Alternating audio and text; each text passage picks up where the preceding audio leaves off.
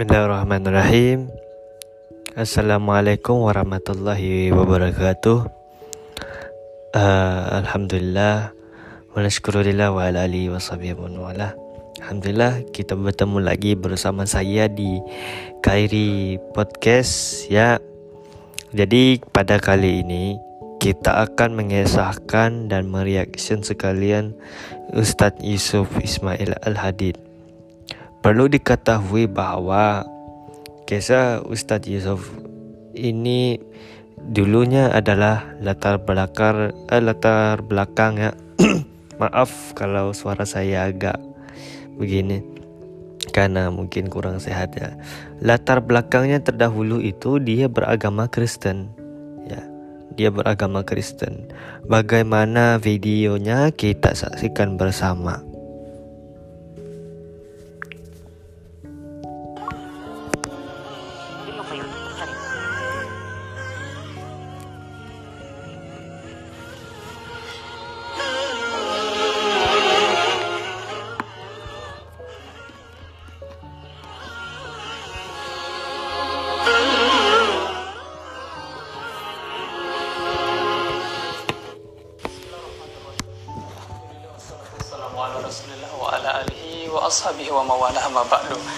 Pemirsa dimuliakan oleh Allah Subhanahu wa taala, ada satu doa yang diajarkan oleh Allah Azza wa Jalla melalui lisan Nabi kita alaihi salatu wassalam terkait hidayah.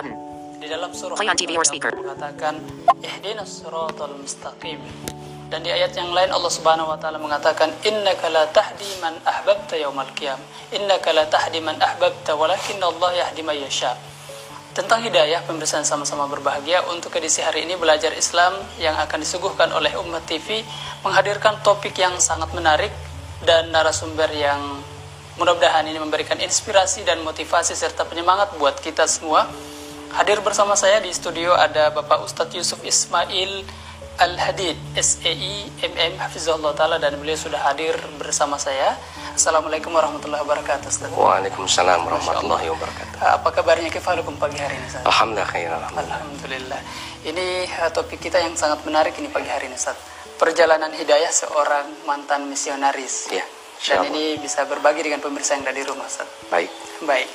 Tema kita di pagi hari ini terkait dengan kisah perjalanan hidayah beliau menuju hidayah Allah Subhanahu wa taala, perjalanan hidayah seorang mantan misionaris dan semoga Allah Subhanahu wa taala menguatkan kita dengan kisah perjalanan hidayah beliau yang sangat indah. Baik untuk efisiensi waktu, kita langsung menyimak kisah perjalanan hidayah sang mantan misionaris. Fal fursah mutaha li fadilatihi falyatafaddal masykuran wa ma'juran. Silakan Ustaz. Ya.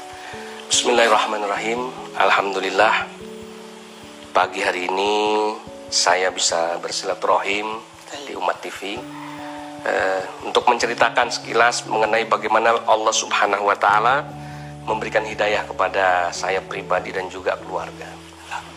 Jadi kalau disebut mantan misionaris itu benar karena memang saya lahir besar tidak di lingkungan keluarga muslim karena saya terlahir sebagai seorang Nasrani waktu itu. Kemudian dari keluarga besar Kristen yang sangat fanatik dan taat kepada Yesus Kristus sebagai Tuhan kami dulu. Lahir besar di Jakarta, di daerah Eh, Grogol Jembatan 2. Kemudian saya punya bapak itu adalah seorang pendeta Pantai Costa. Ada lima buah gereja yang beliau waktu itu pimpin. Kemudian saya punya ibu adalah seorang penginjil senior di gereja Pantai Costa di daerah Jakarta Barat juga. Dan kami keluarga, keluarga besar kami semuanya keluarga besar Kristen. Jadi belum ada yang jadi Islam kecuali saya dan keluarga akhirnya yang dapat hidayah dari Allah Subhanahu wa taala. Papa saya eh, orang Manado, keturunan Belanda. Nama lengkapnya biasa dipanggil di gereja dulu adalah Mr. Inderrechten Rudi Rudolf Otto Forze. Mama saya Cina Jakarta, nama aslinya Li Tianyo, tetapi nama KTP-nya karena zaman Orde Lama dulu orang Chinese tidak boleh pakai nama asli, nama KTP-nya Ripka Hartini. Saya lahir juga namanya bukan Yusuf Ismail Al-Hadid. Itu nama muslim, nama hijrah. Alhamdulillah. Jadi nama asli saya adalah Yori Yonatan Force. Itu nama uh, Kristen, nama waktu lahir dan sampai masuk Islam. Nah, jadi alhamdulillah istimewanya perjalanan hidayah Allah ini biasanya kalau mualaf itu masuk Islam eh, ada anaknya masuk Islam bapaknya tidak. Ada suami masuk Islam istrinya enggak. Nah, ini akhirnya jadi perpecahan. Nah kalau di keluarga kami ini istimewanya adalah satu keluarga masuk Islam semua. Jadi alhamdulillah papa saya kemudian adik saya saya paling besar waktu itu di rumah. Jadi adik saya dua orang perempuan namanya Yona Yohana dan Yesi Yesika namanya. Kemudian yang terakhir saya dan mama saya masuk Islam menyusul. Nah, jadi urutannya pertama kali dikasih hidayah sama Allah Subhanahu wa taala ini istimewa bukan saya dulu. Kalau barangkali dulu yang masuk Islam saya, papa saya nggak jadi Islam, mama saya nggak jadi Islam. Tapi alhamdulillah Allah menunjukkan kehebatannya yang ditundukkan oleh Allah adalah papa saya dulu yang pendetanya malah. Nah, awal kisahnya adalah sekitar tahun 1988. Waktu itu papa kami harus membaptis satu keluarga muslim. Kebetulan namanya juga Abdullah nih cuma bukan Abdullah Said gitu seperti khas kita. Namanya Abdullah tinggalnya di daerah Kapuk Muara di Jakarta e, Barat sana. Daerah tersebut daerah kumuh daerah orang-orang miskin. Nah karena sudah lima bulan dibantu oleh gereja kemudian e, dikasih penginjilan ya namanya. Akhirnya lama-lama satu keluarga ini tertarik untuk bisa pindah ke Kristen Nah, karena kalau sudah mau masuk Kristen, tugasnya pendeta sebagai gembala sidang untuk membaptis.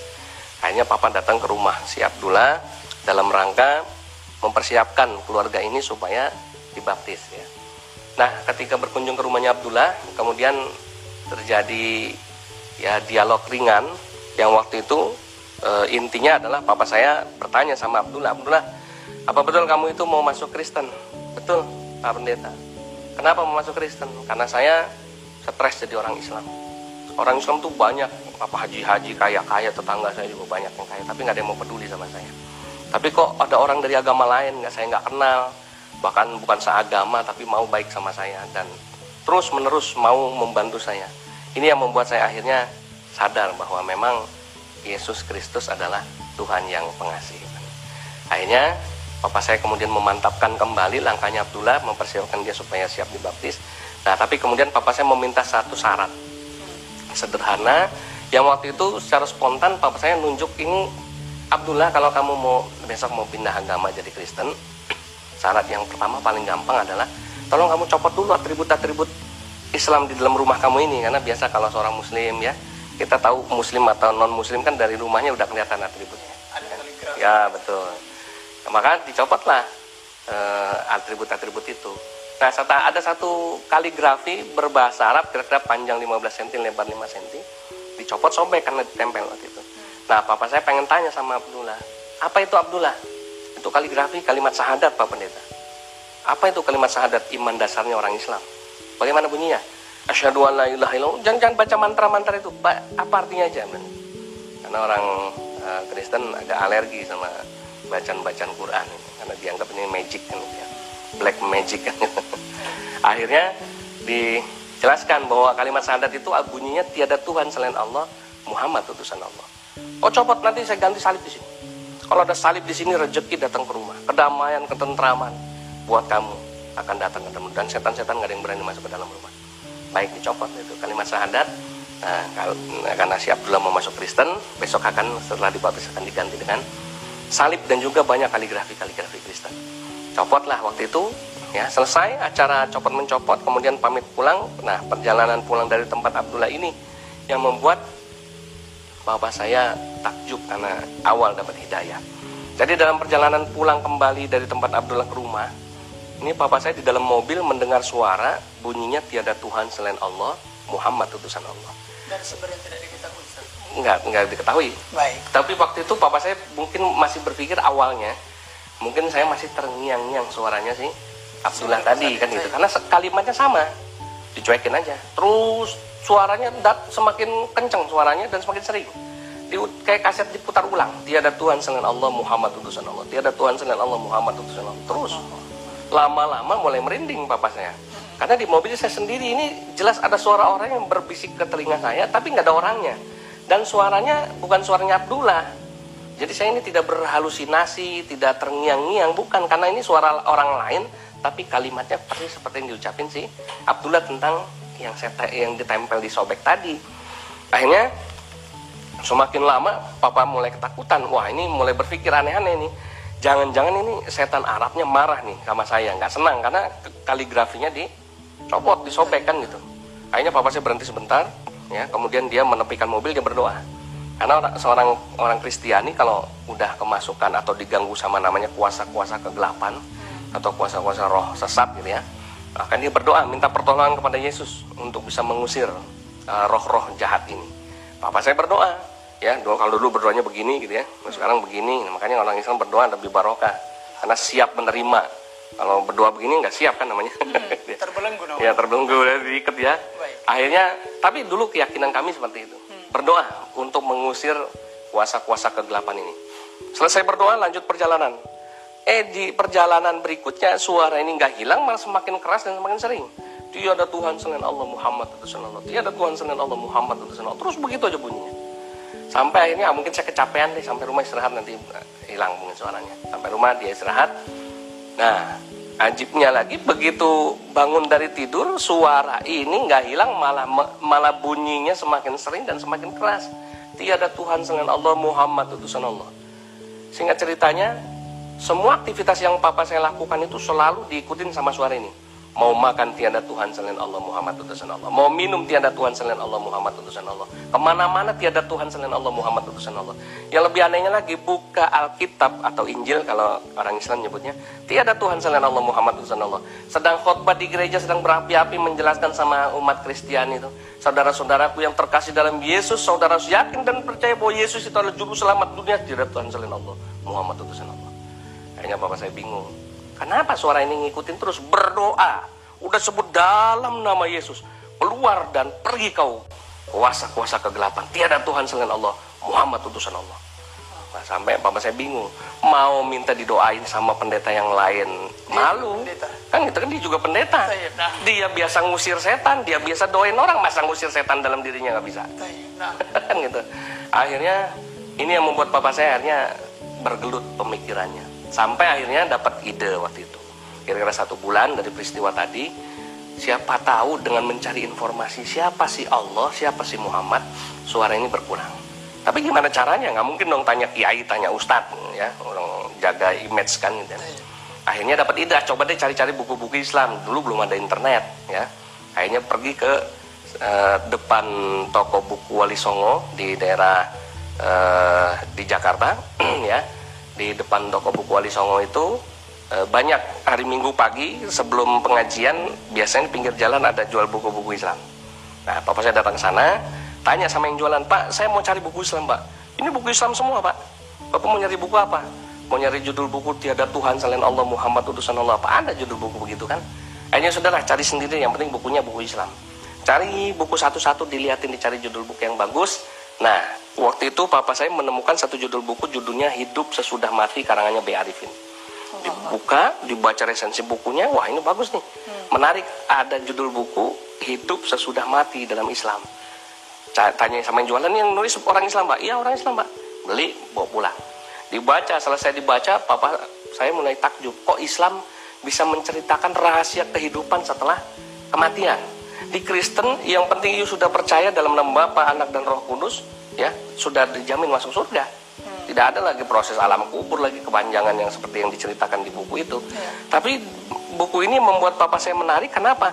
Karena ada kehidupan setelah kematian itu yang begitu bisa diuraikan dengan baik di dalam buku ini sehingga papa saya bertanya-tanya dari mana sumbernya. Hmm. ah di situ ada Quran Quran Quran. Akhirnya papa saya beli Quran terjemah. Beli Quran terjemah dibacanya Quran itu dari awal sampai akhir khatam yang terjemahan. Ya. Begitu selesai baca Quran terjemahan, hmm. pengen baca lagi. Baca lagi yang kedua, selesai lagi. Pengen baca lagi, ulang lagi. Yang ketiga, selesai lagi sampai bolak-balik. Waktu itu papa saya cerita sampai tujuh kali. Dia bolak-balik baca Quran terjemah dari awal sampai akhir. Buat papa saya gampang, mudah sekali baca Quran terjemah. Quran itu kan kalau sama Arabnya jadi tebal. Kalau sama kalau kita baca Indonesia terjemahnya kan jadi tipis. Nah, papa saya biasa baca buku Kristen tuh ensiklopedi Kristen itu satu buku 600 halaman bisa ada 12 jilid. Jadi baca Quran terjemah mudah ringan saja. Tapi yang yang luar biasa, buku yang ringan sederhana ini membuat papa saya berubah cara cara pandangnya. Komentar dia satu waktu itu. Seribu satu macam pertanyaan saya dalam kehidupan ini, semua ada jawabannya di dalam Al-Quran. Tapi tidak semuanya bisa dijawab oleh Injil kitab suci-nya dulu. Nah itu komentarnya dia. Nah dari situ kemudian merubah kehidupan dia total. Dia mulai belajar Islam, dia mulai memperdalam Islam. Sampai akhirnya Alhamdulillah tanggal 13 Januari tahun 94, eh, papa saya resmi mengucapkan dua kalimat syahadat di daerah uh, Depok, Jawa Barat waktu itu untuk pindah agama menjadi muslim. Nah, itu apa? Dari situlah kemudian hidayah Allah berlanjut. Dua minggu setelah papa saya masuk Islam, adik saya dua orang Yona Yohana dan Jessica masuk Islam karena waktu itu uh, rombongan pendeta kawan-kawan papa saya datang ke rumah untuk mengkonfirmasi benar nggak masuk Islam. Ya, di situ terjadi perdebatan rupanya. Hmm. Nah perdebatan itu meman memancing ketertarikan adik kami, adik saya dua ini untuk nguping dan ngintip kenapa nih orang kok ngomong teriak-teriakan gitu. Akhirnya di situ salah satu poin yang diambil uh, adik saya adalah mereka melihat perubahan sikap yang sangat-sangat jelas. Jadi baru dua minggu papa saya jadi Islam mampu merubah akhlaknya secara umum. Jadi dari mulai mukanya sudah tidak lagi kelihatan muka orang galak. Ya, mohon maaf sebelum kami jadi Islam itu biasa makan babi, biasa makan anjing, biasa minum minuman keras. Begitu masuk Islam semua yang dulu diperbolehkan sekarang diharamkan. Begitu masuk Islam disuruh mandi besar. Mandi besar pikiran papa saya mandi di kolam mandi besar itu. Ya. Ternyata kata Pak Kiainya untuk menghilangkan najis-najis kamu sama dosa-dosa kamu yang dulu mandi taubat gitu ya. Hmm. Kemudian nggak boleh makan babi, nggak boleh makan anjing, nggak boleh minum minuman keras yang dulu kami sukain. Saya dulu paling senang, senang makan somai kuping babi. Harganya 5000 satu mangkok, enak sekali itu kriuk-kriuk gitu ya. Tapi dulu gitu ya, waktu belum belum tahu itu nggak boleh. Papa saya sering makan yang namanya daging RW, daging anjing itu ya. Model di tongseng kalau zaman sekarang kalau makan kambing ya. Kemudian minumnya bukan minum air putih biasa, minumnya itu harus minuman beralkohol untuk menetralisir panas. Dan itu dikonsumsi hampir setiap hari. Maka mukanya juga beda. Muka orang pemarah temperamental. Begitu jadi Islam suruh mandi besar suruh disunat. Nggak boleh minum homer nggak boleh makan babi nggak boleh makan anjing. Tiap hari kena air wudhu luntur semua muka-muka ahli nerakanya Alhamdulillah itu yang membuat adik saya terkagum-kagum bisa merubah. Yang kedua dalam dalam debat itu papa saya tidak menampilkan wajah yang emosional. Dia cuma menjawab pertanyaan-pertanyaan dan tantangan-tantangan pendeta itu dengan satu kalimat begini. Kalau kalian mau memaksa saya untuk menunjukkan yang benar Islam atau Kristen karena intinya mereka mau minta papa saya supaya kamu kenapa jadi Islam?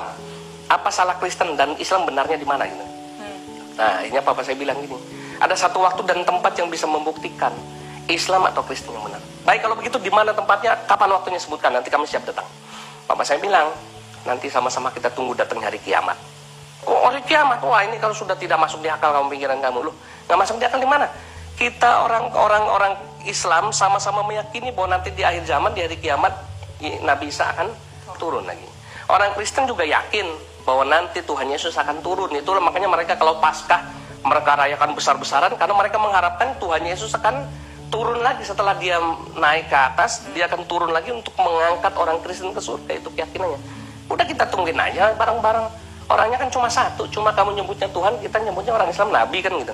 Ya. kalau nanti Yesus turunnya ke altar gereja sambil main organ nyanyi glory glory haleluya. Ya itu berarti Yesus agamanya Kristen. Yang menang kamu tapi kalau nanti Nabi Isa turunnya ke masjid sholat bersama-sama orang Islam berarti Isa agamanya Islam selesai udah kan gitu nah ini membuat uh, para pendeta ini semakin dongkol gitu ya kemudian akhirnya per pergi pulang mereka pergi pulang malamnya adik saya masuk Islam ya nah yang terakhir saya sama mama saya hmm. mau dilanjut atau break dulu pesan ya. uh, ini terkait dengan mendengarkan tadi kalimat la ilaha illallah itu berlangsung berapa hari atau beberapa pekan? Satu bulan. Selama satu bulan. Ya. Jadi selama itu hati itu Betul. diganggu terus. Betul. Nah setelah mulai mempelajari Islam tadi, hmm. surah itu berlambat laun mulai hilang dan akhirnya udah nggak diganggu lagi sampai akhirnya dia masuk Islam. Baik. Baik pemirsa yang sama-sama berbahagia ini kisah awal dari perjalanan beliau dan diawali oleh kisah sang orang tua yang mendengarkan kalimat la ilaha illallah. Saya akan kembali selepas kita menyimak tidak berikut ini tetap di Umat TV Cahaya Umat dan Bangsa.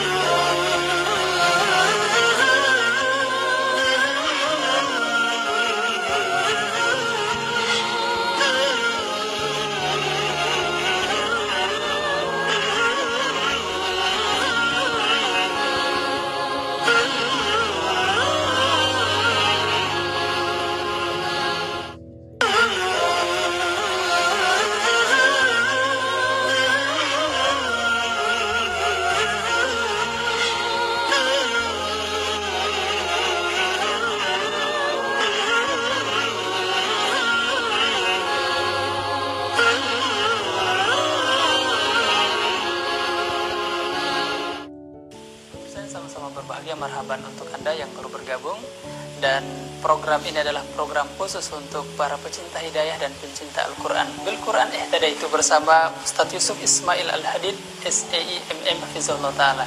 Dan sesi kedua ini adalah kisah beliau secara pribadi bagaimana bisa mendapatkan hidayah dari Allah Subhanahu wa taala. Tadi sudah disebutkan tentang awal orang tua mendapatkan hidayah Ustaz. Kalimat uh, kaligrafi la ilaha illallah yang dicabut ternyata mengiang-ngiang di kuping. Nah, kalau untuk Ustaz sendiri awalnya bagaimana Ustaz? Apakah ada momen yang mungkin momen itu tidak akan terlupakan sama sekali Ustaz? Ya. Bismillahirrahmanirrahim. Jadi setelah papa dan adik masuk Islam, hmm. ada waktu itu pendeta studi saya namanya Om Ruslim biasa dipanggil di gereja waktu itu. Saya. Bilang begini, Islam itu virus. Kalau virus ini nggak dicegah, maka virus itu bisa menjangkit kalian. Sekarang apa proteksi yang harus kalian lakukan berdua kalian tuh maksudnya saya dan mama. Hmm. Karena ini masih berdua yang belum menjadi Islam. Betul. Ya. Kemudian kami bertanya sama gereja, apa yang kalau begitu harus kami lakukan hmm. sebaiknya? Nah, maka disarankan bahwa kalian harus keluar dari rumah itu, nggak boleh satu rumah lagi dengan orang yang sudah murtad dari Yesus. Gitu. Maka kamu harus pindah harus keluar rumah, nanti kamu kita siapin tempat, nggak usah kamu pikir tentang kehidupan kamu. Gereja, gereja nanti yang akan Eh, memberikan kehidupan sama kamu. Akhirnya oke, okay, kami setuju-setuju aja namanya. Biasa kita biasa hidup di gereja. Saya juga dulu disebut sales gereja gitu ya. Mama saya juga penginjil. Kenapa harus uh, khawatir kan begitu? Hmm. Akhirnya saya setuju, mama setuju. Tapi kemudian mama saya bilang begini, boleh nggak kami berdua pamitan baik-baik, kemudian sedikit pressure kepada papa uh, dengan ancaman kalau papa nggak kembali dan adik-adik anak-anak kalian perempuan ini nggak kembali ke Kristen, kami, dari kami pergi dari rumah. Oh, iya. Siapa tahu dengan di ada tekanan begitu, dia berpikir ulang gitu ya. Hmm. Oke deh, kalau sekedar pamit nggak apa-apa ini kan. Ya udah, kami kembali ke rumah dan mereka pamit-pamit, kemudian pengen uh, pergi dari rumah. Nah kemudian di situ mulai terjadi inilah pembicaraan awal. Hmm. Jadi mama membuka dengan papa bahwa ini dari gereja dan kami sudah memutuskan bahwa kami akan pergi dari rumah kalau papa dan anak-anak, maksudnya adik-adik saya dua perempuan itu, hmm. meneruskan di Islam. Ya, kami akan pergi dari rumah ini. Tapi kalau mau kembali ke Kristen, kita akan tetap sama-sama. Ya. Jawaban papa saya yang, yang waktu itu cukup mengherankan saya adalah dengan santai dia bilang, ya sudah kalau begitu keselamatan masing-masing aja nggak apa-apa. Bilang itu. Itu yang membuat saya sebetulnya gregetan, gemes karena sosok papa waktu itu yang saya kenal, yang saya tahu adalah orang yang sangat penyayang sama keluarga. Hmm. Kok ini tiba-tiba dengan saya enak dia bilang begitu? Saya kan nggak rela. Akhirnya kemudian saya bilang, emangnya apa sih di Islam yang membuat papa itu sampai kekeh yang mempertahankan Islam walaupun kehilangan anak dan istri. Hmm. Mungkin juga bertanya, wah kayaknya papa ini sudah tidak sayang lagi sama anak Iya, sebetulnya salah satunya itu. Hmm. Cuma pertanyaan saya uh, seperti itu modelnya, bukan terus terang ya. ya no. Jadi saya tanya kenapa ada apa di Islam kok sampai membuat papa itu sampai itu tadi ya tega ya kepada anak dan istri. Papa cuma bilang, tuh karena yang papa miliki sekarang ini adalah sebuah kebenaran dan kebenaran itu mahal harganya. Dunia dan isinya pun tidak sanggup membeli kebenaran ini. Mama bingung, emangnya apa yang benar kan gitu ya? Nah, kemudian kalau kalian siap mendengarkan, papa akan jelaskan. Nah, mulailah. Oke, silakan jelaskan sama kami kalau sama pendeta-pendeta papa nggak mau jelasin karena tadi jawabannya nunggu hari kiamat itu kan gitu ya. Sama kami jelaskan lah kenapa jadi Islam, kenapa meninggalkan Yesus. Iya. nah, papa mulai membuka dialog itu dengan satu kalimat sederhana. Sebetulnya papa itu tidak meninggalkan Yesus. Dengan menjadi muslim, papa itu menjadi pengikut Yesus yang sesungguhnya. Gitu. Mana bisa jelas yang namanya pengikut Yesus itu orang Kristen. Makanya orang Kristen disebut Kristen. Artinya apa? Dari kata Kristus pengikut Yesus kan begitu. Mana ada orang Islam Islam kan Muhammad nabinya. Betul, kan bilang gitu kan? Enggak. Karena banyak sekali ajaran-ajaran Yesus yang dilakukan Islam tidak dilakukan orang Kristen. Hmm. Ya. Contoh, Yesus disunat ketika umur 8 hari di kitab Lukas pasal 2 ayat 21. Ya. Bunyinya itu dan ketika genap 8 hari ia dalam kurung Yesus disunat. Jadi ada kata-kata disunat. Mana orang Islam? Eh, mana orang Kristen? Ya, mayoritas orang Kristen tidak mau disunat karena Paulus melarang sunat itu.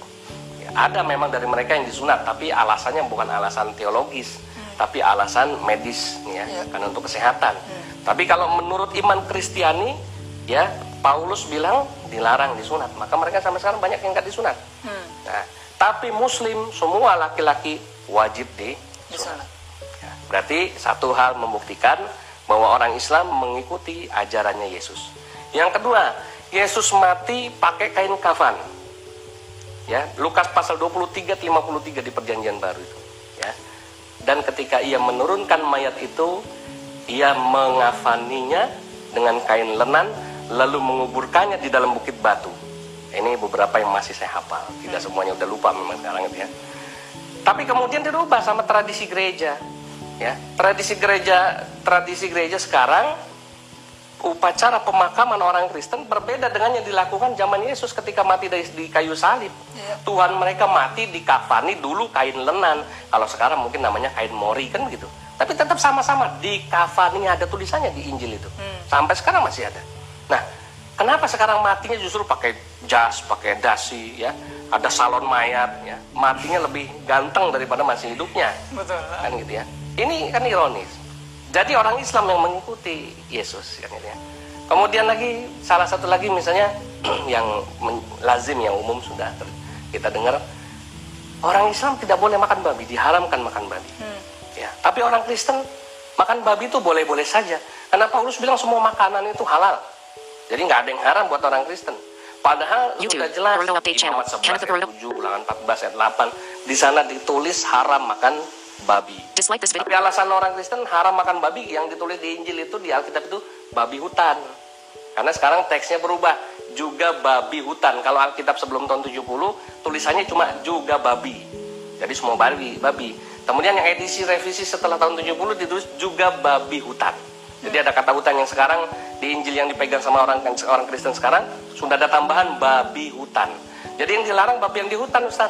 Hmm. Ya, kalau babi yang di pejagalan yang dipelihara boleh kan gitu. Oh, gitu. Nah, ini alasan mereka. Nah, itu apa salah satu. Nah, kita diskusi tentang ini masalah ini selama empat bulan. Dari mulai tradisi-tradisi gereja, dari mulai gereja sendiri, bagaimana pelaksanaan ibadat orang Kristen. Ini yang membuat akhirnya selama empat bulan diskusi Islam Kristen, saya dan mama saya justru alhamdulillah terbuka hati kami, pikiran kami untuk menerima Islam. Karena banyak hal yang saya tanyakan ke gereja tidak memperoleh jawaban. Banyak hal yang saya tanya sama pendeta tidak memperoleh jawaban. Jadi banyak hal yang justru ketika ditanya sama papa, papa bisa jawab. Padahal papa umurnya baru di Islam. Nah ini yang subhanallah. Ini yang membuat kita akhirnya alhamdulillah selama 4 bulan justru kami bergeser. Kami lebih senang kok mendengarkan kisah tentang bagaimana kebenaran Islam. Daripada tentang Kristen setiap ditanya nggak bisa jawab. Saya tanya sama pendeta studi nggak bisa jawab. Tanya sama yang lain nggak bisa jawab juga. Buntu semuanya.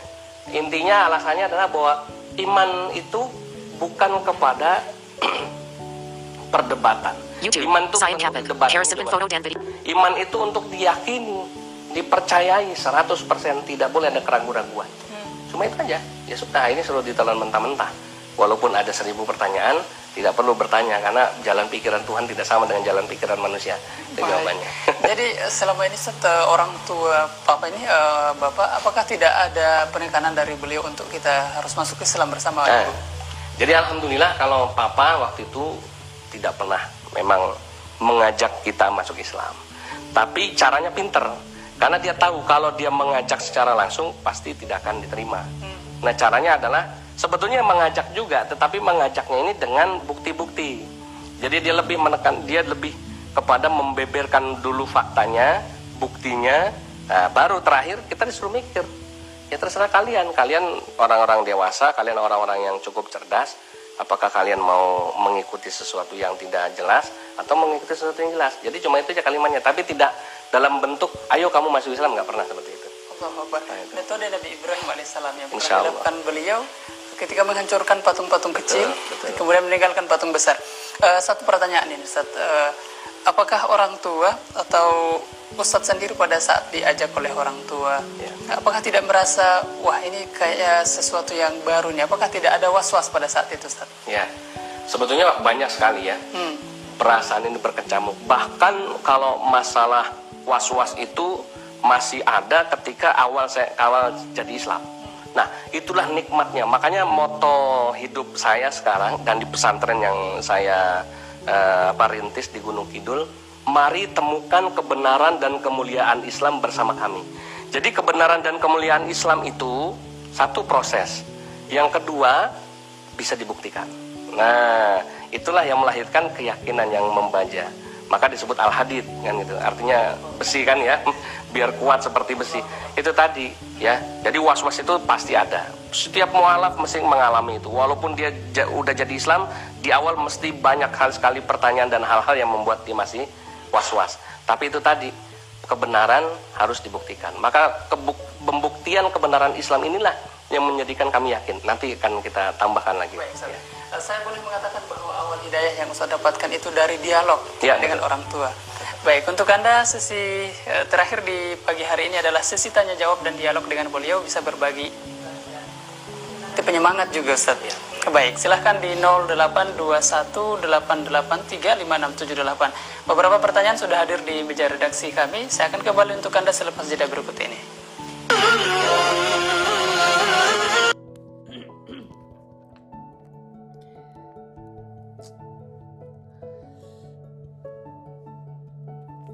Alhamdulillah itulah tadi kisah mualafnya Ustadz Yusuf Ismail.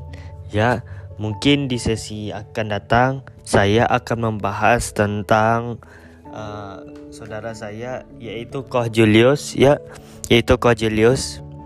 Jadi kisahnya ini juga menarik sebenarnya kisah Ustaz Yusuf Ismail Al-Hadid jadi semoga kisah ini menginspirasi Anda dan menghibur Anda tentunya. Baik yang mendengarkan di Google Podcast, Spotify, dan lain-lain. Oke, mungkin sampai di sini dulu podcast saya kali ini.